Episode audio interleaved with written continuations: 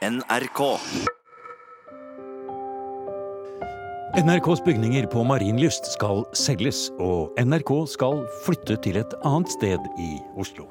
Alle fasadene er fredet. En del rom eh, inne er fredet, ikke alt. Man kan gjøre mye på innsiden, men en del vesentlige rom er fredet. I museum i dag har vi samlet noen av NRKs pensjonister for å fortelle om bygningshistorien som sitter i veggene på Kringkastingshuset, den eldste delen av Marienlyst. Først tatt i bruk under krigen.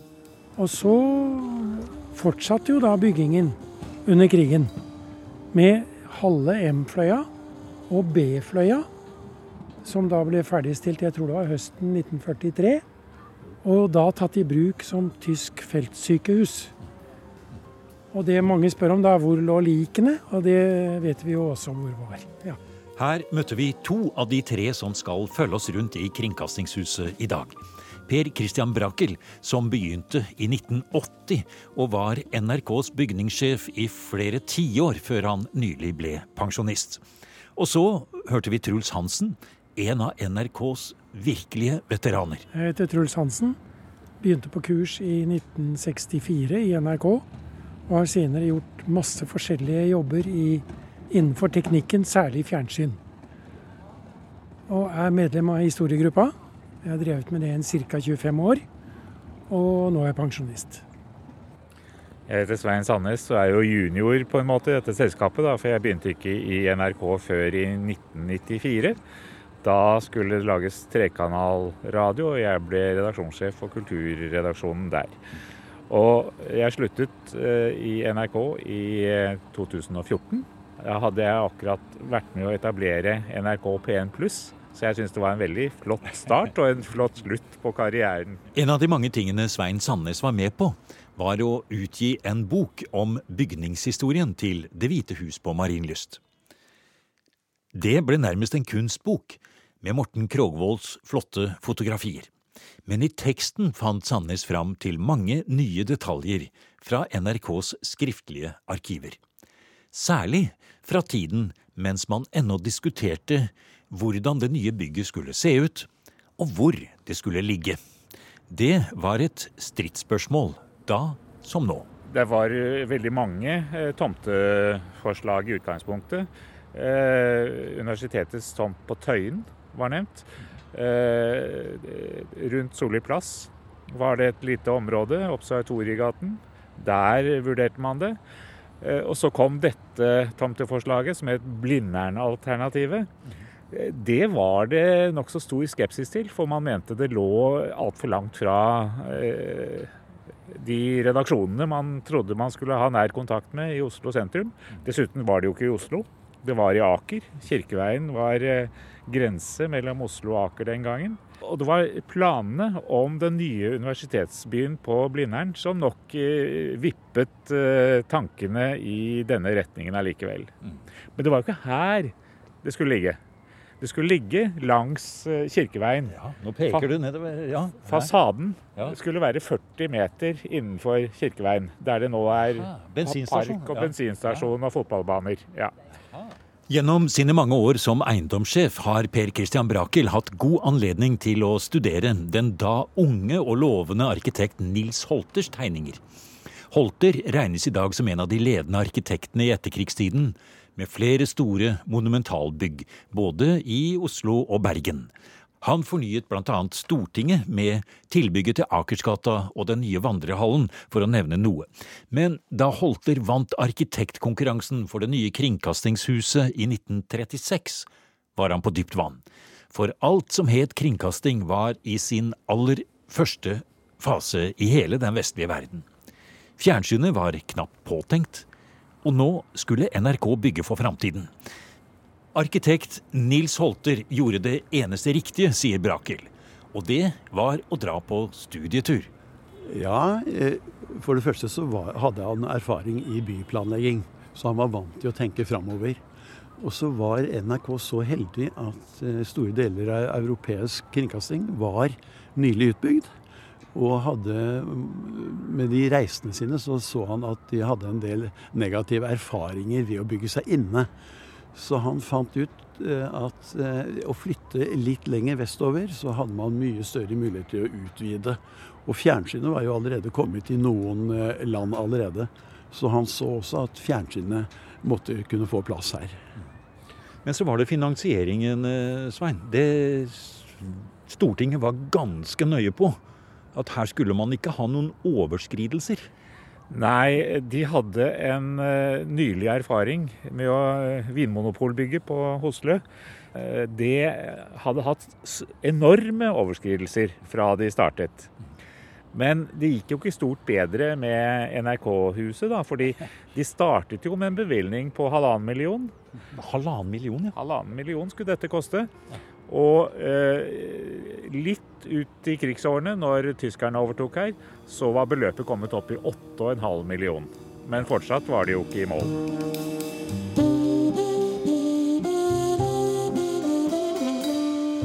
Og i mål, det kom vel aldri de mange byggetrinnene på Marienlyst. Kringkastingshuset endte på 16 millioner i 1950. Men byggingen bare fortsatte. Nær sagt selvfølgelig, ettersom teknologien utviklet seg og sendeskjemaet økte både i radio og etter hvert i fjernsynet.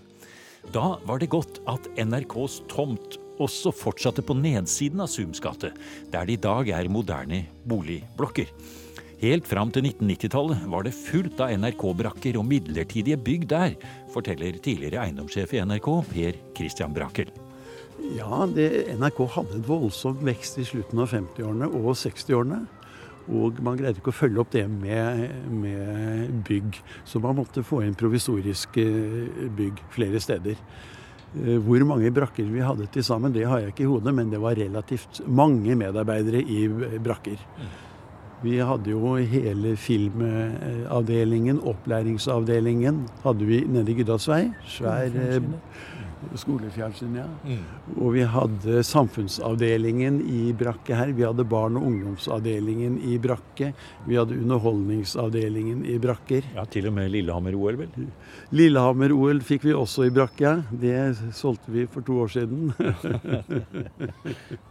En liten eh, sak når det gjelder adressen her. Fordi eh, når NRK da overtok eh, på ordentlig i 1950, så var man jo ikke egentlig fornøyd med å ha en adresse med et høyt nummer i Zooms gate. Så man eh, la da hodene litt i bløt, og så eh, fant man opp Bjørnstjerne Bjørnsons plass nummer én. Og det er altså fortsatt adressen til denne bygningen. Og det er ingen andre som bor i Bjørnstjerne Bjørnsås plass nummer én enn NRK. Ja, her eh, Svein, kommer vi inn i slik som Radioresepsjonen ser ut i dag. Med nødvendige sikkerhetsforanstaltninger og sluser og nøkkelkort og alt som er. Eh, men det har vært en annen tid her, hvor eh, det ikke var sånn som dette. Hvor det bl.a. var en bank her. Ja, det er riktig. Det var en bank her som Altså, dette lå jo litt utenfor allfarvei, tross alt. Eh, og man ville vel hindre at de ansatte brukte mye tid på å måtte gå eh, ærend i banken. Det var jo ikke nettbank i den tiden. Så her var det en, en bankfilial som bare betjente de ansatte her. Og eh, den kjente forfatter Kjell Halbing Morgan Kane. Morgan Kanes ja. skaper han satt her, og ved siden av at han tok inn og leverte ut penger, så skrev han da om Morgan Kane.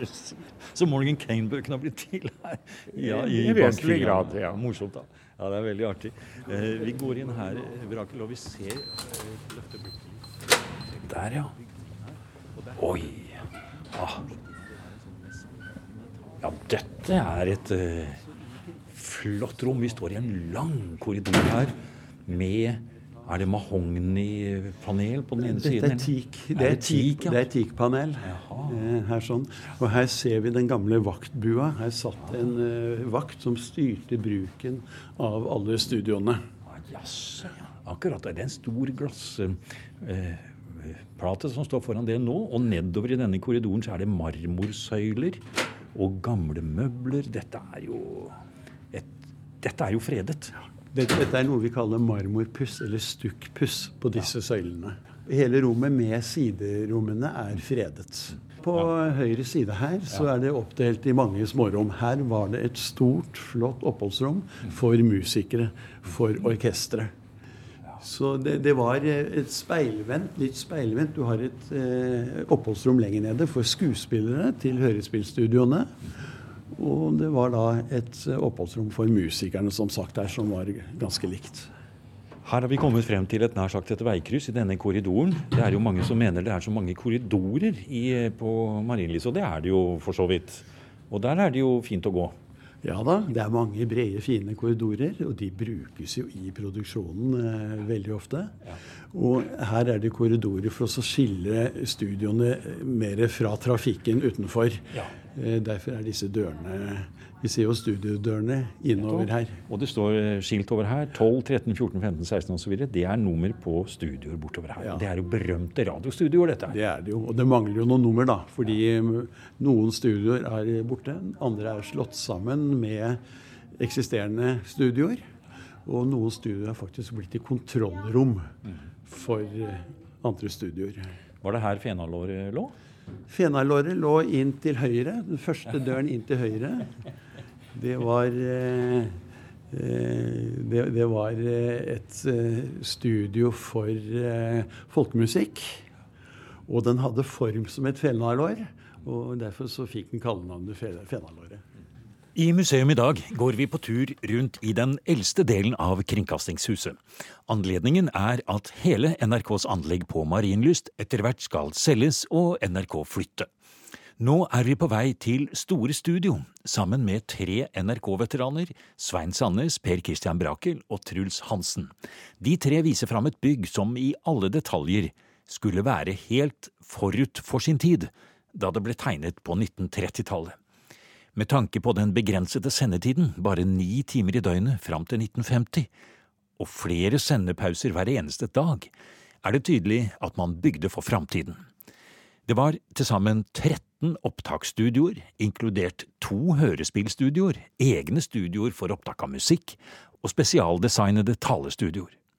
Og det var ett prinsipp som styrte alle valg når det gjelder de eldste studioene, sier Truls Hansen. Det er jo at det ble lagt veldig stor vekt på at det ikke skulle gå, forplante seg lyd fra et studio til et annet, eller fra studio inne i kontrollrommet. Så den rundt alle disse studioene så er det en svær bygning. Og så er studioene bygget på egne grunnmurer. Hvert kontrollrom, hvert studio har sin egen grunnmur, som er isolert fra bakken med gummiklosser. Og det betyr at det blir eh, eh ganske stille inn i det studiet i forhold til lyd utenfra. Og så er det da Inne i veggene som er, det er ganske stor avstand fra yttervegg til innervegg. Det går faktisk an å gå der hvis man ikke er for tjukk. Eh, der ligger da ventilasjonsoverføringene. Og de er ikke, ytre og indre vegg er ikke i kontakt med hverandre fysisk, men går over eh, sånne lerretssystemer, slik at det ikke skal forplante seg noe lyd utenfra og inn. Eller mellom studioene. Var, var, det dette de var ute og lærte når de studerte andre kringkastingsbygg, eller er dette noe helt spesielt for eh, NRK? Nei, Dette lærte eh, arkitekten Nils Holter uh, ute i Europa. Og det var vel særlig Wien, ja. på hans siste besøk ja, ja, i Wien, som gjorde at han måtte revurdere hele isolasjonsteknikken. Ja. Jeg vil jo tro at det som nå nettopp Truls fortalte om dette veldig kompliserte måten å isolere studioene på med sånn boks-i-boks-systemer, det må jo være et mareritt for en eiendomsforvalter, holdt jeg på å si, eiendomssjef, hvordan det skal håndteres? Ja, altså opprinnelig så hadde man tenkt oss å bytte ut disse gummiklossene hvert syvende år. Men så viste det seg at de har holdt hele tiden. det. Vi har aldri skiftet ut. Har du ikke skifta gummiklossene? Aldri skiftet uh, gummiklosser. De har holdt så godt. og Det har vi sjekket uh, gang på gang at de holder kvaliteten. Går det an å ta en liten kikk inn i Studio 19, som vi kjenner fra mange legendariske radioprogrammer? Bare for å få et lite inntrykk.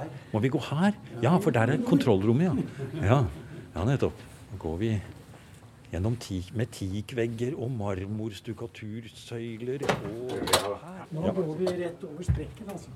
Du peker ned i gulvet og Ja. der peker du opp. går jo vei, veggen, Jaha, akkurat. og så går det en ny vegg der. Det er så bredt, ja. Ja. Ja. Rundt så er det ganske god bredde. Så er det ganske stort loft også. Du kan stå på loftet. Ja, ja, klart. Over- Mens vi går rundt blant de aller eldste studioene i NRK, ser vi hele tiden hvor høy teknisk standard det er på selve bygget. Lydkvalitet, isolering, ventilasjon, tyngde i gulv og vegger. Alt var spesialdesignet og tok sikte på verdens høyeste standard. Man kan jo rent undre seg over dette i dag, ikke bare fordi slike verdier knapt er å finne noe sted, men fordi man etter krigen og langt inn på 1950- og 1960-tallet sendte på lang, mellom og kortbølge. Og radioapparatene var gode, men ikke så gode. Og når lydkvaliteten var kjempehøy i store studio, hvordan var den da, da den kom ut av radioapparatene på den andre siden av et fjell i Distrikts-Norge? Og Derfor så var jo også kringkastingsavgiften den var redusert for de som bodde i områder hvor man hadde dårlig kvalitet. Og det var relativt mange. Noen betalte bare fem kroner. Mens, øh, mens prisen var 20 kroner for de som bodde innenfor den beste ringen. Og så er det noe som er lett å glemme. Det er at det var veldig mange sendere som hang etter hverandre. Altså én sender tok ut et signal fra en hovedsender og sendte det ut lokalt. Og da kunne det henge flere sånne i en kjede. Og da var det veldig viktig at alt var så bra som det gikk an å få det. For å få brukbar lyd ut til de siste. Men en av de første avdelingene i Kringkastingsselskapet og etter hvert NRK var jo det som ble kalt støykontrollen. For det var et kjempeproblem helt til, ja, helt til FM eh, kom eh, inn som eh, bånd. Og da reiste folk rundt over hele Norge for å avsløre hvor er det forstyrrelsene kom. Og det kunne vært mye rart. Det var trikker, og det var busser, og det var fabrikker, og det var mange kilder til støy.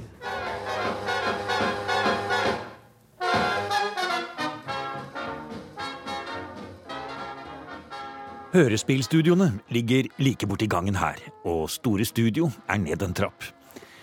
Og dit skal vi, men det blir i del to av museums vandring i Kringkastingshuset. Nå skal vi avslutte med å gå litt tilbake i tid.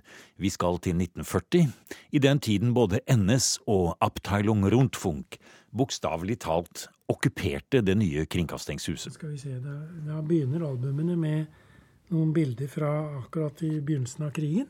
Det hadde vi ikke gjort i dag. vet du. For det er ingen Ja, for det var jo tyskerne som, eh, som besluttet det. Ja, ja, ja. ja. Vi sitter i et flott gammelt møterom med tunge paneler og originale møbler. Og vi blar i et av de 14 fotoalbumene historiegruppa i NRK har tatt vare på. Mer eller mindre på privat initiativ. Bildeseriene går helt tilbake til 1934, og mange av dem ble tatt av Erik Julsrud i perioden fram til 1974, og er arkivert og ordnet av Ragnar Pedersen. Dette er ikke publisert fordi at uh, hensynet til de som er med, ikke er klarert. Det er noen bilder fra krigen her som ikke alle ønsker eh, publisert. de NRK-medarbeiderne som samarbeidet Ja, ja, med NS. eh, Så derfor er det veldig få som har hørt om Kringreisa, f.eks. Fordi at det ble dysset litt ned. Ja. For det var jo nazistene som gjorde. Ja. Ja. Truls Hansen blar seg forsiktig fram til bildene fra krigen. Det var NS-folk i gangene, uniformer og en tid hvor de NRK-ansatte hadde det samme vanskelige valget som i avisredaksjoner og mange andre steder i det norske samfunnet under krigen. Slutte i protest eller samarbeide. Villig eller uvillig. Nå skal vi se. Og det er da diverse bilder fra krigen, og også bilder fra styret og de som jobbet i NRK. Og da var det to redaksjoner etter 9. april. Det var den tyske og den norske redaksjonen. Og så er det da bilder fra de som var K-sjefer den gangen. Og da kan vi faktisk eh, kjenne igjen det bordet som fins enda et sted i huset her. På årringen i bordplata. For det syns. Og så var det en fyr som het Quisling, som det sto byste av nede i resepsjonen. Er det si, hvor er den i dag, vet du? Det, nei, jeg har spurt, men alle tror den ble knust. Ja. Ja. Men når det gjelder dette med at det var både en tysk og en norsk eh, redaksjon, Eh, Svein Sandnes, hvordan fungerte det med Abteilon Rundfunk og folk som gikk rundt i uniform i gangene her? Nei, det tror jeg var allment akseptert. Og de to var jo helt uavhengige av hverandre. Altså Målgruppen for eh, den tyske radioen var jo eh, de tyske troppene i Norge. Mens eh, den norske radioen da var for nordmenn flest. Og det er jo viktig å, å vite at tyskerne trodde jo veldig på radioen som et propagandaapparat. Det var et instrument som skulle få alle nordmenn til å forstå hvor lykkelig de nå kunne være for å være okkupert av den tyske stormakten. Da um, Goebbels var i Norge, så vidt jeg vet, bare én gang. Og en av de tingene han gjorde da, det var å ønske NRK lykke til på turen sin, som var en propagandatur. Utstyr og sånn innredet i sporveisbusser. Ja, jeg har lest et sted at de kalte det for Kringreisa. Men hva var Kringreisa for noe? Kringreisa var en reise med altså den første reportasjebussen som NRK da brukte. Det var en innleid sporveisbuss med opptaksutstyr. Som, og da hadde NRK vært ganske tidlig ute til å anskaffe båndopptakere, som var ukjent stort sett i den, utenom Tyskland. Og reiste da lang tur. Ja, har du noen bilder av denne bussen her? Ja, ja, ja bilder her har vi- innenfra og utenfra. Har du sett disse Og bildene her, samtidig så hadde de da en annen sporveisbuss eh, innredet som eh, utstilling. For å vise hvor Ja, og her peker du på bildene. og her på ser, ta. Forklar litt om det bildet der, eh, Truls. Nei, Det er rett og slett en utstilling av, de, av moderne radioapparater i 1940. Og så kunne Så, man som da da folk skulle komme og se på. Det var en sånn Ja. omreisende Det var utstilling. rett og slett en propagandatur. Eh, Og her ser vi mange er. bilder av bussen. Ja, her. inklusive båndopptakere. Og det så jo ikke amerikanerne før etter krigen. Så tyskerne var litt moderne også på dette området. Ja, vi. Det var NRK som var moderne. Ja. Dette var så det var ikke tysk utstyr, nei. Jo, det var det, men det ble kjøpt før krigen. Ja. Og her ser vi jo altså bilder av denne kringreisa. Eh, Og hva er det du har bilde av der? Det er Goebbels Ha. og Terboven som er de som ønsker NRK god tur. Det er ganske utrolige bilder, altså. Hele ledelsen var. Ja. Så dette var noe de la vekt på. Og, der, og da også sammen med NRKs eh, folk, da.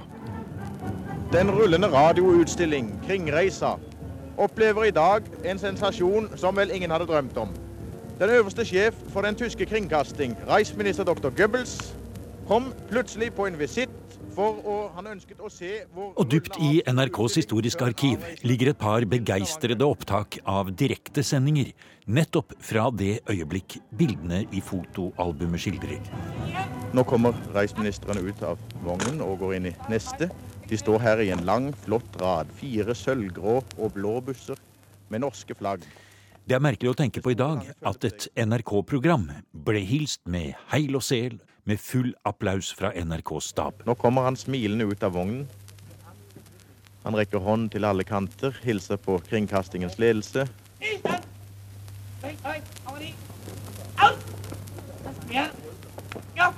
Enda en gang stanser reiseministeren og takker.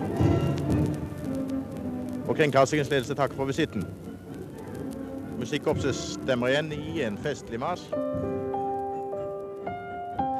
I del to av denne vandringen rundt i Kringkastingshusets historie går vi videre til Ryggsekken, stedet der de første TV-sendingene ble laget. Vi skal innom både hørespillstudioene og Store Studio, og vi tar en kikk inn i fjernsynshuset. Men med Terboven og Goebbels friskt i minne avslutter vi med en liten historie om at NRKs opptaksutstyr også kunne brukes i kampen mot okkupasjonen. Og så var det jo sånn at eh, det var mest direktesendinger. Ja. Fordi at det var dårlig med opptaksmuligheter. Og de første opptaksmulighetene, det var å gjøre å- si, å lage grammofonplater. Og da var gjerne maksimal lengde ca. fire minutter per side. Og for å da kunne gjøre lengre opptak, så hadde du alltid to maskiner, så du kunne alternere mellom. Truls Hansen forteller om NRKs første opptaksbuss, som var utstyrt med to grammofonplateopptakere. Bussen fulgte med de norske styrkene nordover under felttoget i 1940, og kom etter hvert til Tromsø. Verkstedleder Odd Utsikt var med og holdt vakt ved bussen en kveld det kom inn en ukjent mann. Og spurte om eh, han, hadde, han skulle lese noe dikt. Eh, Utsikt sa da at eh, ja, men han var ikke noe tekniker til å gjøre opptak. Ja, men han hadde ikke tid til å vente, så det må du gjøre. Han hadde da nattevakt for å passe på utstyret. Og så gjorde han et opptak. Og han som så ut som et sjømann, han stakk av, forsvant. Og ble jo senere skutt ned over Berlin. Men da lå det Opptaket det lå da i arkivet uten at noen visste hvem og hvor det ble tatt.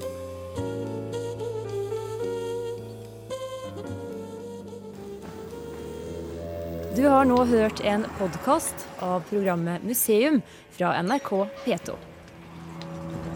Og send gjerne en e-post til museum krøllalfa nrk.no.